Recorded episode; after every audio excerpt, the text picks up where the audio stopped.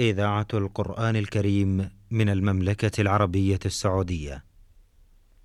دروس في العقيدة الإسلامية. برنامج من إعداد فضيلة الدكتور صالح بن عبد الرحمن الأطرم.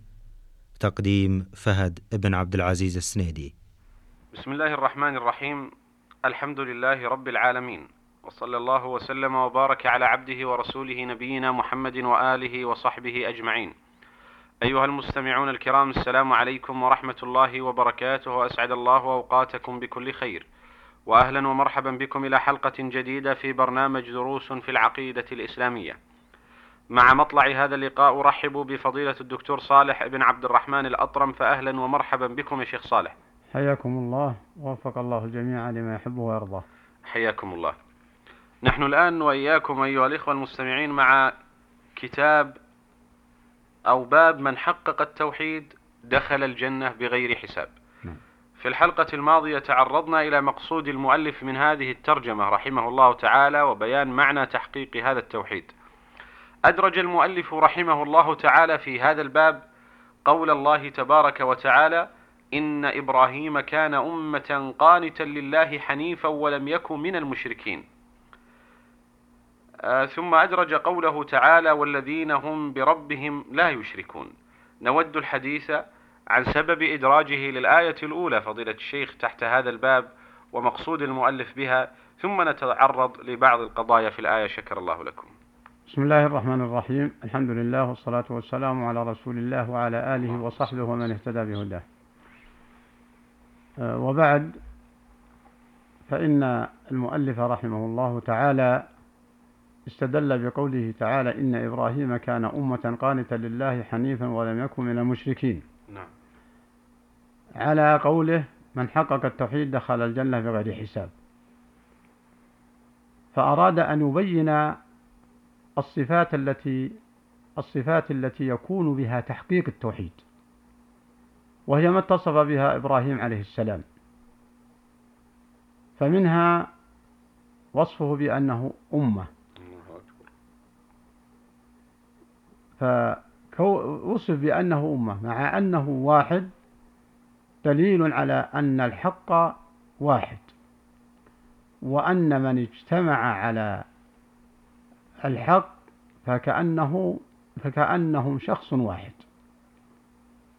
ولو كان منفردا فهو بمنزلة الجماعة. ومعنى أمة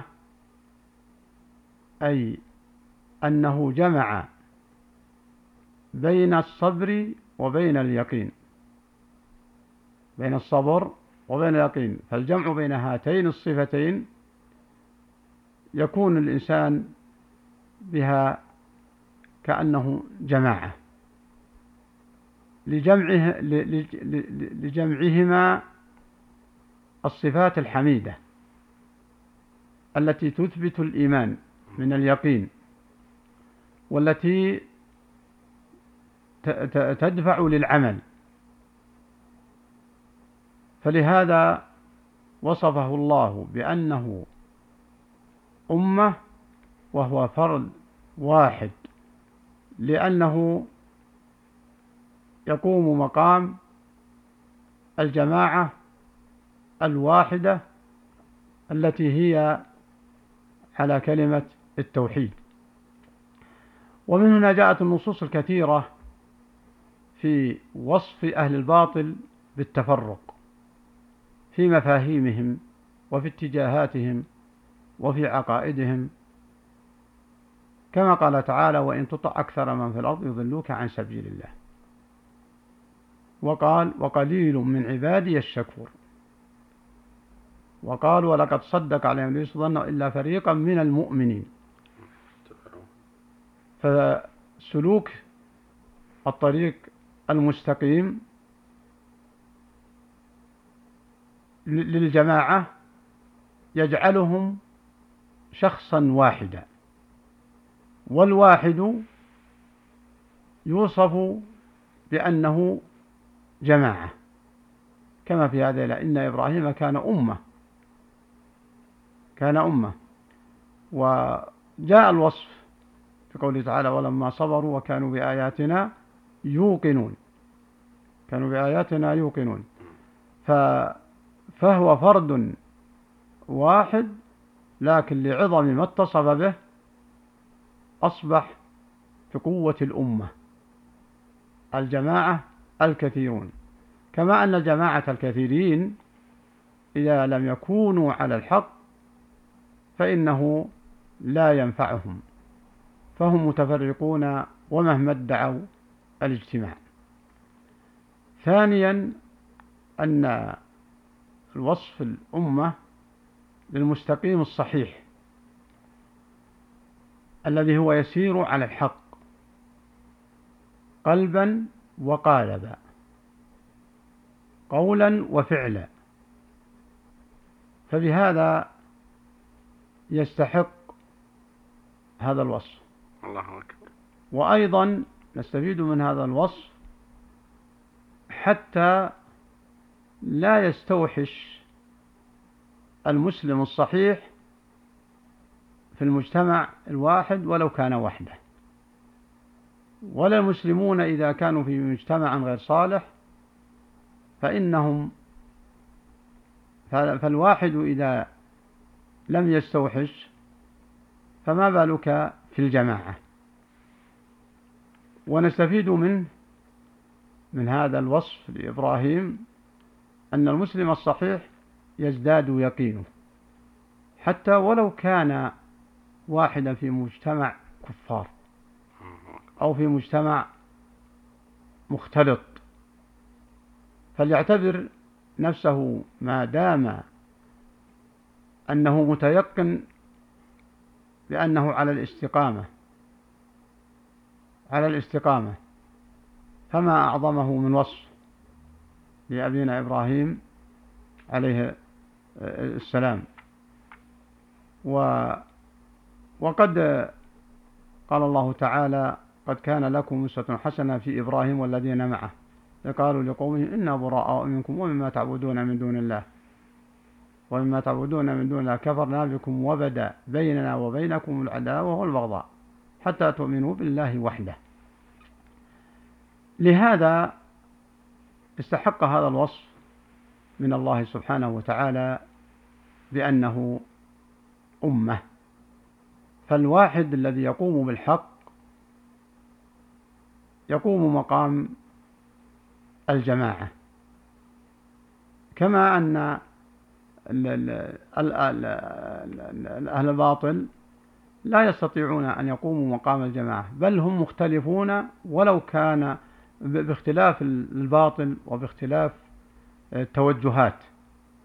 فلا تجدهم على قلب رجل واحد بخلاف المؤمنين الصادقين. فإن طريقهم واحد. فالجميع منهم على كأنه كأنهم واحد. والواحد كأنه جماعة لسلوكه الحق. ولهذا هي عبارة لأحد العلماء لا تستوحش الطريق لقلة السالكين. لقلة السالكين ما دمت مع طريق.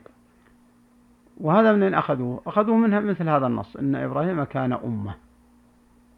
وأما قانت قانتا لله أي مطيعا خاضعا لله سبحانه في أقواله وفي أعماله.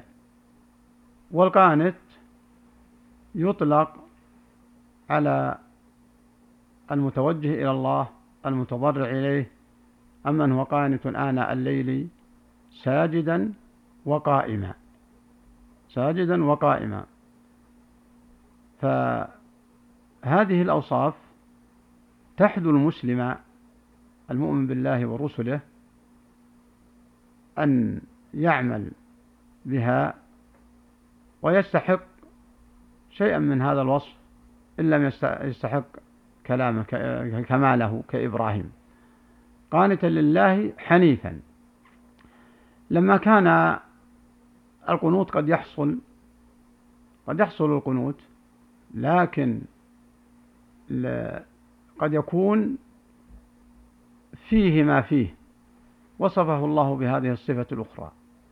قانتا لله حنيفا أي مائلا عما عما سوى الله إلى الله.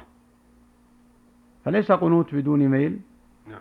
فمن قنت وبكى ولكن لم يخلص ميله إلى الله ولم يكن حنيفا كإبراهيم إلى الله فإنه لا يستحق هذا الوصف. فدل على أن فدل على وجوب اجتماع القنوت والميل إلى الله قانتا لله حنيفا. ولم يكن من المشركين فقد يكون مائلا إلى الله. لكن قد يكون هذا الميل ليس فيه بغض للمشركين أو قد يفعل بعض الأشياء التي آه، تخالف شرع الله فالله نهاه فالله نفى أي شرك عن إبراهيم عليه السلام. ولم يكن من المشركين لا الشرك الأكبر ولا الشرك الأصغر. وهذا دليل قد يكون في المشركين من قد من يقنتون ومن يتضرعون إلى الله كما تقدم لكن لم يسلموا من الشرك فلا ينفعهم. فاجتماع هذه الصفات الأربع كون الفرد يقوم مقام الأمة وكونه قانت نعم. وكونه مائل إلى الله ولم يتلبس بأي شرك لا قول ولا فعل يستحق هذه هذه الدرجة بهذه الأوصاف. فالذي أوصي به الإخوة المستمعين أن يكرروا مثل هذه الآية حتى تسلم عقائدهم ويسلم توجههم إلى الله. ومن أحسن قولا ممن أسلم وجهه إلى الله وهو محسن. وهو محسن فله أجر عند ربه ولا خوف عليهم ولا هم يحزنون. فإذا أسلم وجهه إلى الله لكن لم يكن محسنا في في توجهه فإنه آه، مردود عليه أو قد يتعكر عليه الطريق. نعم. الله أكبر. آه، إذا فضيلة الشيخ الحقيقة انتهى وقت البرنامج لكن أود أن أشير إلى قضايا أكدتموها أنتم.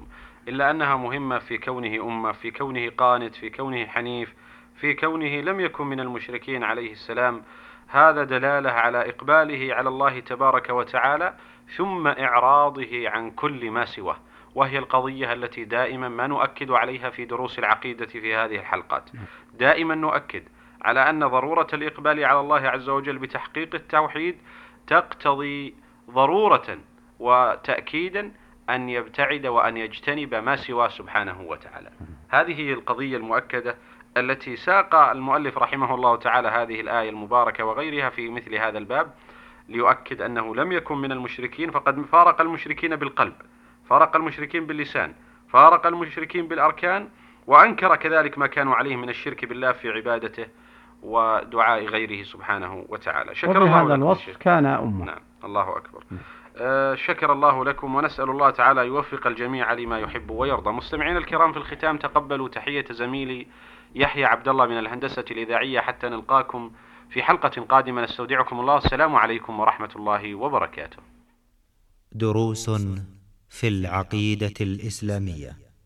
برنامج من إعداد فضيلة الدكتور صالح بن عبد الرحمن الأطرم تقديم فهد بن عبد العزيز السنيدي.